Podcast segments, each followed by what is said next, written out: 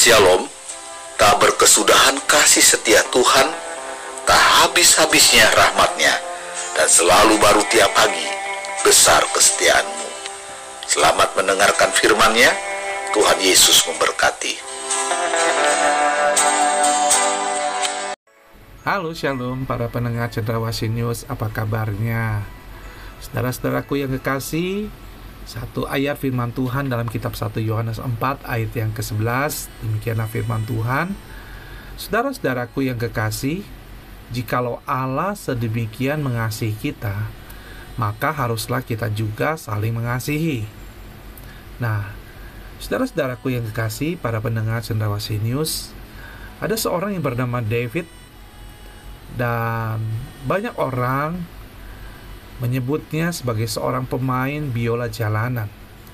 David adalah seorang pria tua yang lusuh dan senantiasa tampil di tempat-tempat keramaian di kota, di taman-taman kota untuk menghibur orang-orang yang lalu lalang. Saudara-saudaraku yang kekasih, sebagai apresiasi terhadap permainan musiknya, para pendengar menaruh uang di dalam kotak biola yang terbuka di atas trotoar di depan mereka.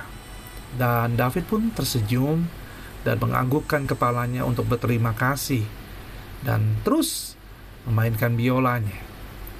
Dan belum lama David pun meninggal dunia. Berita kematiannya muncul di surat kabar-surat kabar di kota-kota yang dekat dengan tempat tinggal David. Dan dari situ terungkap bahwa David pasti berbicara dalam sejumlah bahasa. Seorang lulusan dari universitas ternama bahkan pernah mencalonkan diri sebagai anggota senat untuk negara bagiannya. Dan sejumlah masyarakat pun terkejut saat mengetahui prestasi hidup David karena mereka telah menilai David hanya berdasarkan penampilannya ketika dia memainkan biola saja. Saudara-saudaraku yang kekasih, Alkitab mengatakan bahwa Allah menciptakan manusia itu menurut gambarnya dalam kitab Kejadian 1 ayat 27. Dan hal itu menyingkapkan suatu nilai yang mulia yang melekat dalam setiap diri kita terlepas dari bagaimana penampilan kita apa pun pencapaian kita atau apa pun yang dipikirkan orang lain tentang kita. Bahkan ketika kita sudah memilih untuk menjauhi Allah dalam dosa-dosa kita, kita begitu berharga di matanya. Sehingga Allah mengutus anaknya yang tunggal untuk menunjukkan kepada saya, kepada saudara, jalan menuju keselamatan dan kekekalan bersama Tuhan. Saudara-saudaraku yang kekasih, kita sangat dikasihi Allah, dan orang-orang di sekitar kita sangatlah berharga di matanya.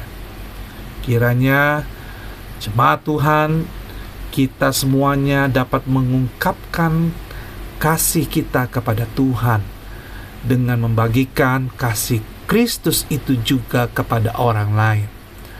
Mari Bapak Ibu yang kekasih, para pendengar Cendrawasih News, ketika kita mengungkapkan kasih kita kepada Kristus, orang lain bisa mengenal diri kita sebagai orang-orang yang percaya yang sudah ditebus oleh darah Yesus untuk kita bisa membagikan kasih itu dan orang lain merasakan bahwa benar di dalam Yesus ada kasih yang luar biasa yang tidak terbatas dan kita patut memberikannya kepada orang lain.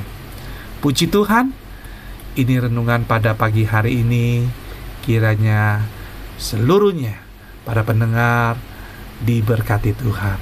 Puji Tuhan. Haleluya. Amin.